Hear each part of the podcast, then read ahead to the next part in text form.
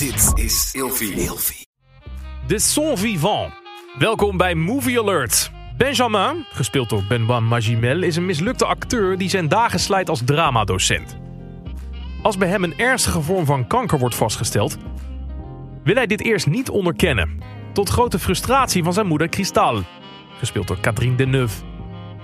Zij bijt zich, tegen beter weten in, vast in het herstel van haar zoon.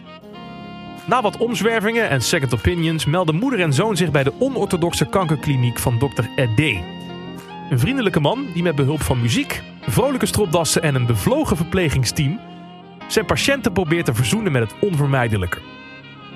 In plaats van te blijven focussen op genezing, als dit er al eigenlijk niet meer in zit, worden patiënten begeleid bij het loslaten van het leven, hoe moeilijk dat ook is. Over de periode van een jaar worden Benjamin en Cristal geholpen om in alle rust de naderende dood te accepteren en de losse eindjes van het verleden aan elkaar te knopen.